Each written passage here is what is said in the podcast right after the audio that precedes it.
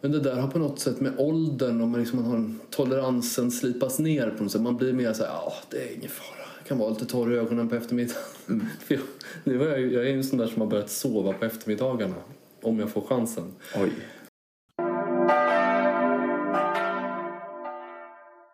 Eh, Det var en gång en man som bjöd på fest. Och på, på bordet så stod en stor skål med apelsiner. Och Det är ju en av de bästa frukterna. Ja, jag håller med. ändå- Det är smaskigt. Ja, det är väldigt smaskigt. och då, Förlåt. så, ja, nej, det är bra. Och då sa den här eh, mannen som bjöd, han sa Ska jag dela ut apelsinerna så som Gud skulle gjort det? Eller så som människor skulle gjort det?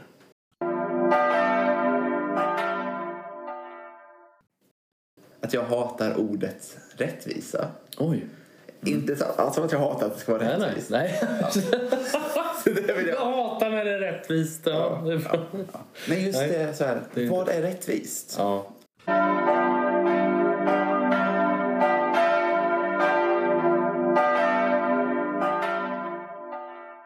Hjärtinnerligt välkomna var och en till Lillhelgs mål. eh, Avsnitt 9, tredje säsongen, jakten på Jesus i Gamla Testamentet. Här sitter jag i Linus Forsbergs kök. Med Linus Forsberg. Ja, just det. Jag själv heter Jim Lagerlöf. Jag cyklade hit, det hade blivit kallare. Ja, Och det är morgon också, eller hur? det, egentligen är jag inte en morgonmänniska. Vi pratade lite om det innan vi började spela in. Att Ja. att jag är egentligen kvällsmänniska. Du är, har fått bli lite dygnet runt människa. Jag inte- Verkligen. Har barn. Ja, nej, men det, det, jag tror att jag, när jag förstod att jag skulle bli pappa, då, bes, då förstod jag här, okej, sova blir det mindre av nu. Och då gick jag in för då faktiskt började jag sova lite mindre, eller liksom begränsa mitt. Jag hade, jag hade nog ungefär 8-9 timmar som jag sov per dygn då förut, innan jag blev pappa. Och tyckte, jag tycker om att sova. Åh, vad jag gillar att gå Jag tycker om att gå och lägga mig också, jag är en sån person. Ja. Så jag övade mig innan liksom. Men sen mitt första barn sov ganska mycket på nätterna. Så det, åh, vad härligt då. Var det en besvikelse? nej, nej, jag lovar. Det var ingen det var det inte. Däremot mitt andra barn nu då, han tycker om att ligga och skrika på nätterna. Det är hans, en grej som han gillar. Nej men okej, men du, precis, du, du sa att du inte var så morgonpigg, men du är ändå en person som piggnar till snabbt sa du. Kort eh, startsträcka. Om jag har liksom fått sova ganska bra. Sovit dåligt då, då tar jag en dusch och då piggnar jag också till. När pluggar du som bäst? Det beror nog lite på vad jag ska göra. Om jag ska skriva så är jag som bäst på morgonen. Du är det ja. Om jag ska läsa är jag nog som bäst på kvällen. Så det är inte så att när du sitter och läser att du somnar till eller liksom Nej, tycker att det är lite härligt. Du delgav ju mig ett barndomstrauma här innan, innan vi började spela in. Jo, det var en gång som barn som jag somnade ifrån en ljudbok. Och sen så fick Ja. jag sitta en timme och leta upp var det var någonstans. Och det är nog... För att den bara liksom spelade och spelade och spelade medan du sov. Ja, precis. Den var väl ja, 22 timmar lång den skivan. Jag var någonstans i mitten. Ja, visst. Men jag, annars somnar jag aldrig från. Jag, jag skulle aldrig kunna somna om jag sitter i soffan och kollar på TV eller ja, läser en bok eller... Jag kan ju somna både när jag läser böcker och när jag ser på TV. Och på bio till och med har jag somnat. Det är, det är märkligt. Men jag har väldigt svårt att somna. Likadant, jag kan inte somna när jag reser heller. Nej. Och inte ens om jag är jätte, jättetrött. På tåget då eller? Ja, men tåg, eh, om man är ute och flyger. Så någon gång jag hade varit i Egypten för massa år sedan. Då hade vi i princip hela sällskapet sovit två timmar. Alla andra sov. Och jag satt där bara, men jag kan inte sova nu när jag reser. Nej, jag minns att jag tycker, eftersom jag har kontaktlinser i ögonen så tycker jag inte om att sova mitt på dagen. För om jag somnar med linserna i så blir ögonen väldigt torra. Men det där har på något sätt med åldern och man, liksom, man har toleransen slipas ner på något sätt. Man blir mer så ja det är ingen fara. Jag kan vara lite torr i ögonen på eftermiddagen. För jag, nu var jag, jag är ju en sån där som har börjat sova på eftermiddagarna. Om jag får chansen. Oj. Man kommer hem, leker med sin dotter då i hennes lekrum. Lägger sig en liten, liten stund på golvet på något sätt och sen bara så är man borta. Så har det varit mer. Men det, så var det inte förut. Det här har kommit de senaste åren bara. Vil, vilken ålder? Ja. ja, I 33-årsåldern ungefär. Där, ja. där kom det till mig då. Ja, då har jag några år på mig. Av livet. Ja, och du har också några år kvar att studera de heliga skrifterna. Inte minst Gamla testamentet. Nej men precis. Nej. Gamla testamentet är ju egentligen det är en tråkig, ett tråkigt eh, ord för, för det här, den här boksamlingen. Det låter som någonting gammalt, tråkigt. Och särskilt i vår kultur som allting ska vara nytt och fräscht. i dialog med judarna, då, då kallar ju kristna ibland eh, Gamla Testamentet för Första Testamentet. Och det tycker jag är fint. Är det inte det som anhängare av Jesu Kristi kyrka och Sista dags heliga gör också? Att de pratar om testamentet 1, 2, 3? Aha, ja för de har ju då Mormons bok också då ja. Ja just det, det kanske de gör. Det, det, det som jag, det, nästan det enda, den enda kunskap jag har om, om mormonerna den har jag fått från den här musikalen som heter Mormons bok. Och den, den kanske inte är heltäckande, jag vet inte. Nej, jag- fick göra ett arbete Aha. om det. Det är i ja, först vårterminen i ettan. Så då fick jag ändå sätta mig in lite mer. Och, Första klass. Ja, eh, eh, på teologi. Ja, jag förstår. Annars hade det varit någonting alltså. ja, precis. Nej. Ja, nej, men så lite som, som många musikaler är att den bygger ändå på någon form av kärna. Sen Okej. så har de ju kryddat mycket. Så då säger de testamente 1, testamente 2, testamente 3? Jag tror att det är i alla fall en variant som, som finns. Sen vet jag inte om det är den primära. Ja. Om man uppfattar ordet gammal som ett positivt ord, det vill säga det gamla vanliga eller eh, gammalt och gott eller liksom om man har en positiv känsla för det då kan man ju tycka att gamla testamentet det låter bara som liksom fädernas testamente eller så. Om man i vår kultur då, det, det gamla, vi gillar ju inte gamla hus i Sverige heller. Det är konstigt. Ja, det... Ja, nej men precis. Vi, vi vill att det ofta ska vara nytt och fräscht och så. Det kommer jag ihåg att min engelsklärare sa till mig på högstadiet att han hade varit i England och där gillade de minsann gamla hus. Sa han. Och han hade svårt att förstå det. Ja. Så ska vi djupdyka rakt ner i den här boksamlingen som heter, som vi kallar för no- normalt sett för Gamla Testamentet. Absolut. Så i Svenska kyrkan på söndag.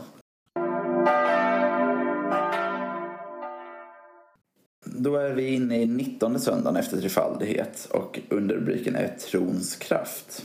Och vi läser för, nästan från början av Gamla Testamentet, nämligen första Moseboken, men en bit in, kapitel 15, verserna 5 till 6. Och det är här en ganska känd passage. Det är här när Herren säger att Abrahams ättlingar ska bli lika talrika som stjärnorna. Abraham tror och börjar räknas som rättfärdig. Det här med tro är ju ett väldigt, väldigt stort ämne. Det Ja. skulle vi kunna fylla både ett, två... Tre testamenten kanske. Ja, Hade vi kunnat. underrubriken är trons kraft.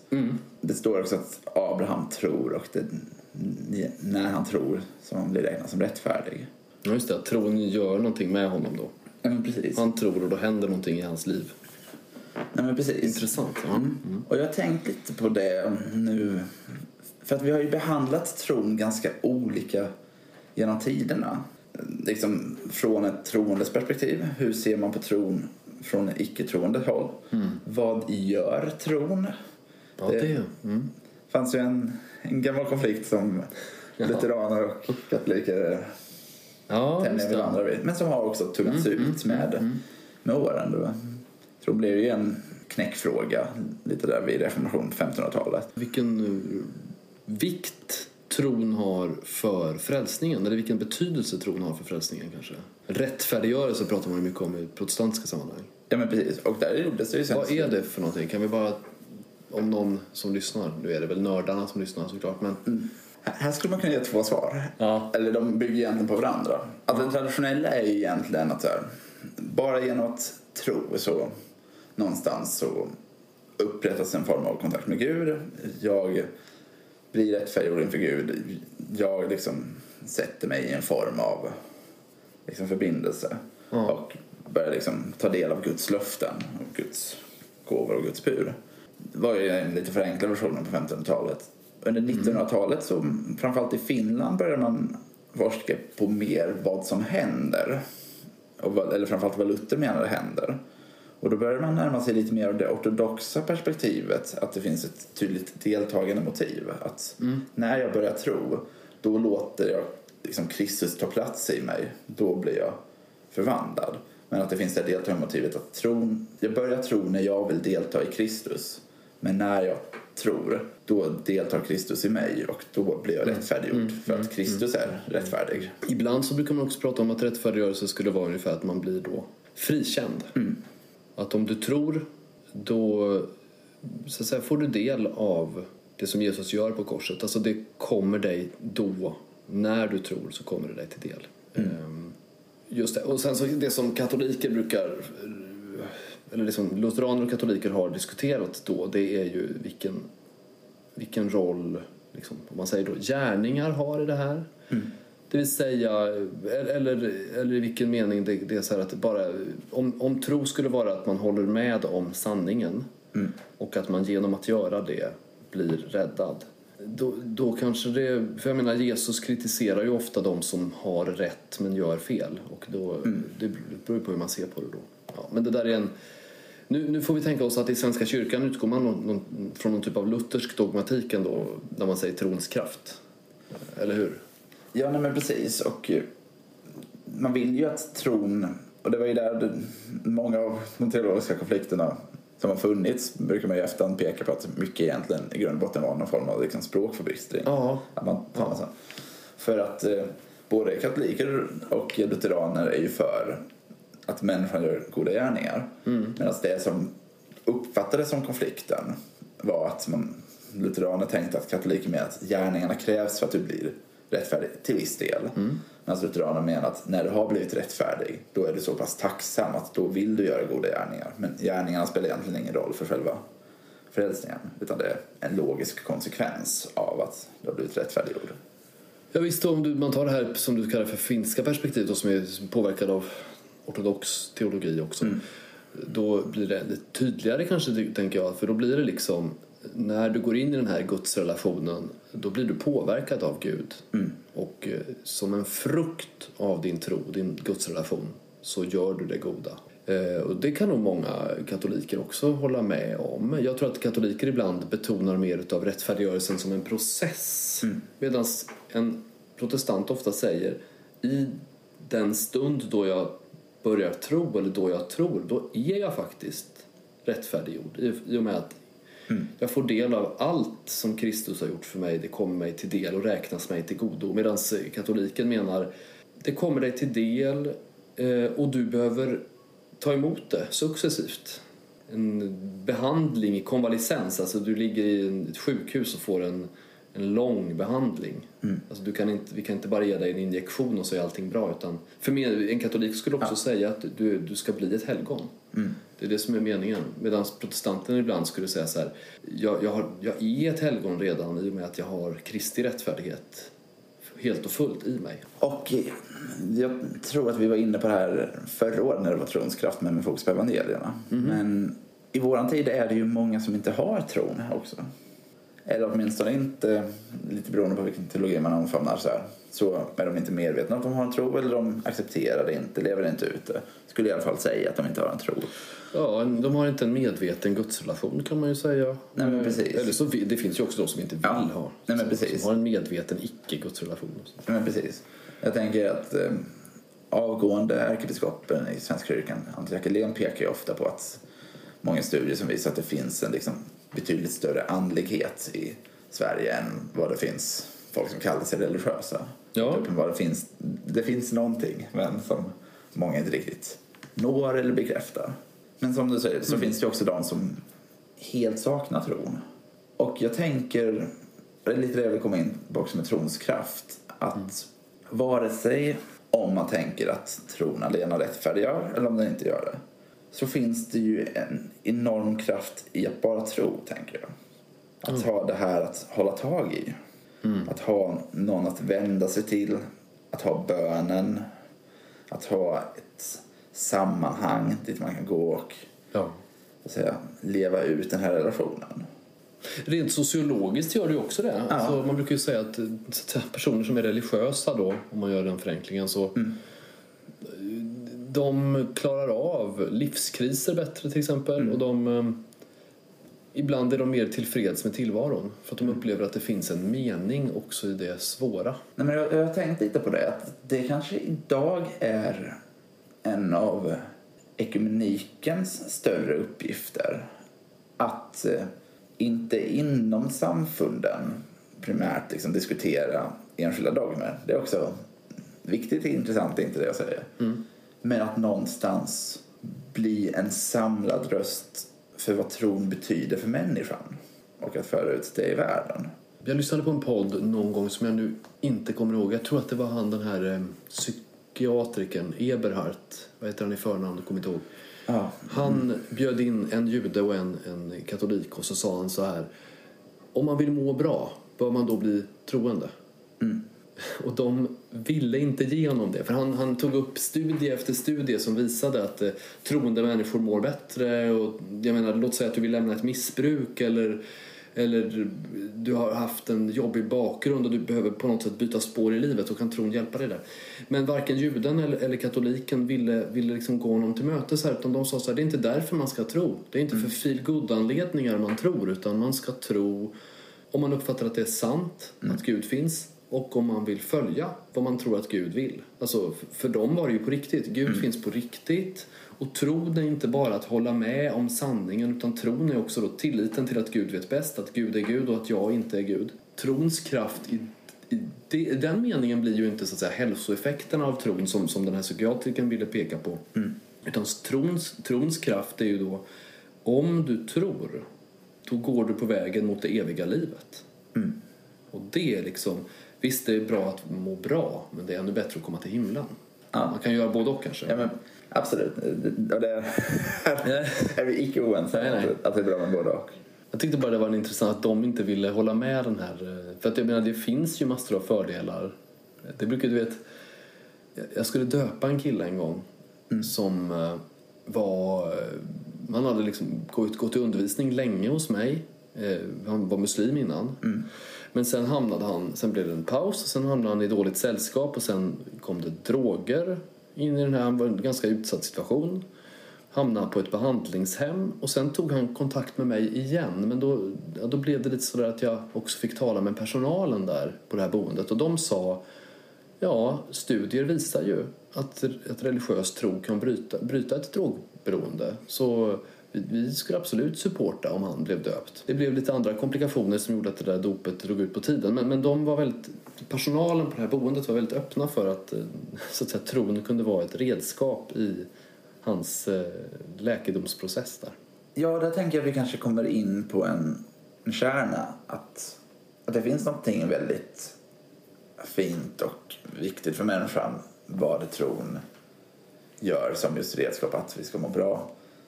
Men att det inte är det som är liksom slutmålet, det är inte det som är Det kan ju vara en ledtråd. centrum. Ja, men precis. Men precis, det kan vara en, att det, det kanske får bli en dörröppnare men det får inte stanna där. Nej, just det. Utan att trons kraft är ju som jag var inne på att leda in oss på en väg. Att vi Just ska ta till oss av viljan från den Gud som vi tror på och gå den vägen som han vill att vi ska vandra. Vägen till livet. Ja, men så kan vi väl sammanfatta då och gå vidare mot eh, den gammaltestamentliga texten i katolska kyrkan nu på söndag.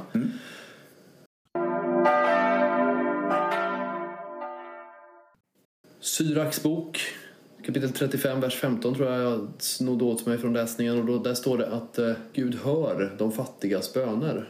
Och då, det kan man verkligen, det skulle nog många ifrågasätta. Varför gör du ingenting då, Gud? Jag tror att om, om människor hade... Det finns en sån här berättelse från en bok som heter Alkemisten, om jag får citera den. Ja, kör på. Ja, då är det är den här bästsäljaren av Paulo Coelho. Men då, vid ett tillfälle i boken så är det någon vis man då som berättar en liknelse. Han säger så här. eh, Det var en gång en man som bjöd på fest. Och på, på bordet så stod en stor skål med apelsiner. Och Det är ju en av de bästa frukterna. Ja, jag håller med. ändå- Det är smaskigt. Ja, det är väldigt smaskigt. och då, Förlåt. så, ja, nej, det är bra. Och då sa den här eh, mannen som bjöd, han sa Ska jag dela ut apelsinerna så som Gud skulle gjort det? Eller så som människor skulle gjort det? Tittar de på varandra och gästerna tittar på varandra så kommer de överens om att dela ut apelsinerna så som Gud skulle gjort det. Det måste ju vara det bästa sättet. Då tar mm, mannen som har värden alltså han tar skålen med apelsiner och så går han runt. Till en gäst ger han en apelsin. Till en gäst ger han tre apelsiner. Någon får ingen apelsin. Och så går han runt så och så säger han Det verkar vara så här som Gud gör. I den här boken då så vill väl den berättelsen liksom påminna oss om att eh, på något sätt Gud ger inte lika för alla. Mm. Han är liksom inte inne i den businessen när man ska göra exakt lika för alla. Och det, där, det där är jätteintressant. Folk som har känt mig länge vet att en av mina käpphästar Ja. är att jag, att jag hatar ordet rättvisa. Oj. Inte så, alltså att jag hatar att det ska vara Nej, nej. rättvist. nej. Det vill Jag jag. hatar när det är rättvist. Ja. Ja, ja, ja. Men just Nej, det, så här, det är inte- vad är rättvist? ja. Det är en bra att, fråga. Att det är just det. Så här, är det rättvist att alla får exakt lika mycket, i det här fallet exakt lika många apelsiner? Ja. Eller är det rättvist att den som uttalat var hungrig när den kom Mm. får mer än den som kom till festen och sa jag har precis ätit ett julbord? Ja. Eller är det rättvist att börja räkna på någon form av liksom BMI? Mm. Liksom, vad är rättvist? Och där tycker folk olika och alla säger det ska vara rättvist. Och sen så Det är lätt att hoppar- ur sig det. Ja, och sen så hoppar man över att definiera okej, vad är rättvist i det här fallet? Mm. Och det är en käpphäst jag har haft i många år. Så här, vad är egentligen en rättvis fördelning? Jag gillar rättvisa. Nej men verkligen det. Jag tycker det är smart. Man behöver ha, såklart ska man använda ett begrepp väldigt, men så är det med många begrepp som vi använder väldigt lättvindigt. Rättvisa eller jämlikhet eller flera sådana här ord som vi bara tar som självklara värde, positivt laddade värdeord. Man måste också våga definiera. Vad menar du? Vad avses här? För mig som har en, en grav synnedsättning Mm. har jag ofta fått höra begreppet så här, du ska bli behandlad lika som de som ser. Mm. Och då är frågan, är lika att jag då får mer för att kompensera Mm. och hamna på en lika nivå? Eller är lika att jag ska få exakt samma premisser som de andra? Vilket ju då skulle ge ett resultat av att inte bli lika. Ja, det här får ju inte heller bli ett försvar för fattigdom. Även om Jesus då säger de fattiga har ni alltid hos er. Han säger ju så vid ett tillfälle. Mm. Det är väl när Judas stör sig på att eh, de slösar, den här kvinnan slösar bort Ja, en precis. Mm. balsamflaska. Den där hade vi kunnat ge till de fattiga. Ja, men hade du gjort det då? Ja. Nej, men, eh, och de fattiga har vi alltid hos oss. Det, det kan man ju, ibland, så blir, ibland gör vi Jesus till en vänsterperson som vill ha revolution eh, och vill se till att skapa ett perfekt jämlikt samhälle. Eh, Då, det, visst, det är väl en, han är säkert en inspiration både till höger och vänster. Men det här med rättvis fördelning, det talar Jesus väldigt lite om. Han såklart, han brinner för att vi ska hjälpa fattiga. Eh, Och han umgås med de fattiga, han är bland de fattiga, han gör sig själv fattig. Men han sysslar inte med det här med att det ska vara exakt rättvist. Men hur ska vi då förstå att Gud, Gud verkligen hör, som det står då i den här texten från Syraks vishet, Gud hör de fattigas böner. Ska vi tänka så här, Gud skiter i vad de ber om? Han tänker, jag vet allt bättre än vad du, du behöver ingen mat idag du. Det rimmar inte med min teologi. Nej, har du ett svar där? För man kan ju tänka att ehm, En tydlig bild som återkommer ofta i Bibeln är ju att eh, kyrkan eller de kristna är utgör Kristi kropp. Att vi är kroppen.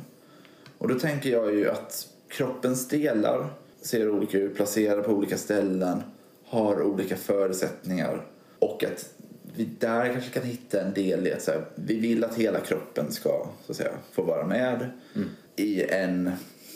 Det är kul att jag säger det här för att för mig stämmer det inte riktigt. Men så här, någon form av norm idealbild för många är ju att hela, alla kroppens delar ska fungera. I, I mitt fall är jag inte ögonen riktigt över det. Nej. Jag, jag, jag förstår. jag är glad och lycklig så att ja, men jag fattar poängen. Ja. Och att då kanske poängen snarare blir att ja, men alla ska inte, alla måste inte ha det lika.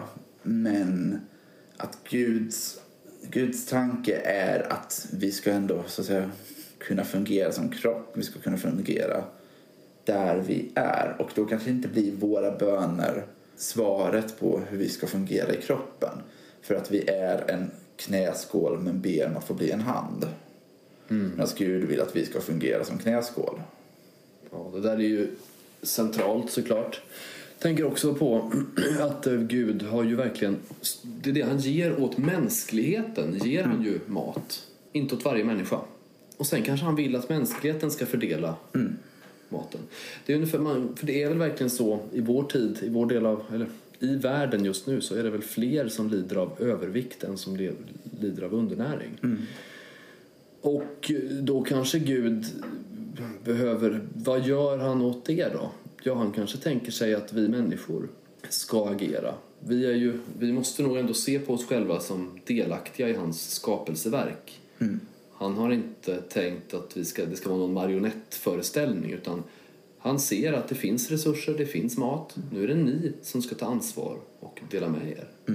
Så kan ju vara en dimension. Sen så pratar ju Jesus väldigt mycket om... Han säger att eh, hungriga ska bli mättade och att eh, fattiga ska ärva landet och såna här saker.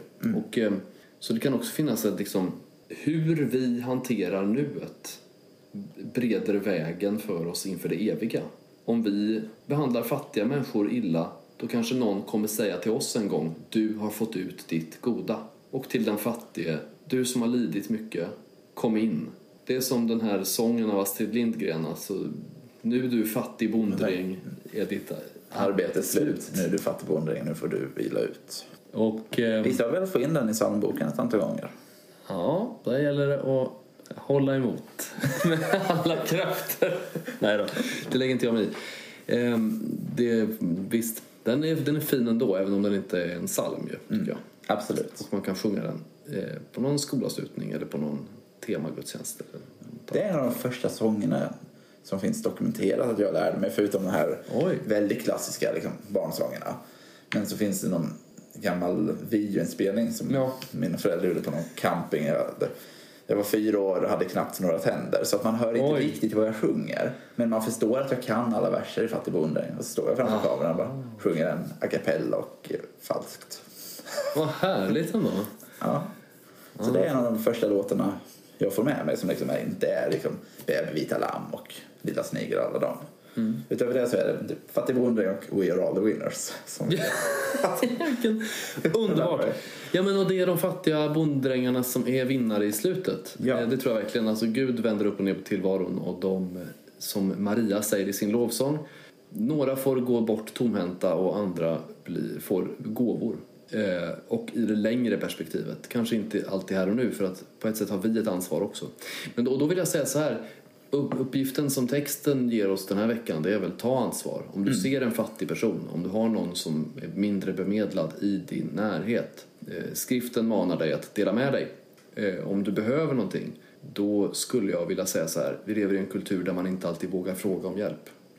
Då skulle jag vilja uppmuntra dig, våga fråga. Och jag tänker så här, det är ju väldigt lätt att tänka i pengar när man pratar om Amatea, stödja fattiga land. Men jag tänker att det finns ju många sätt man kan göra det på. Att om du vet att du har någon, någon vän som har det lite knapert och du ändå har tänkt att laga middag. Alltså bjud in den.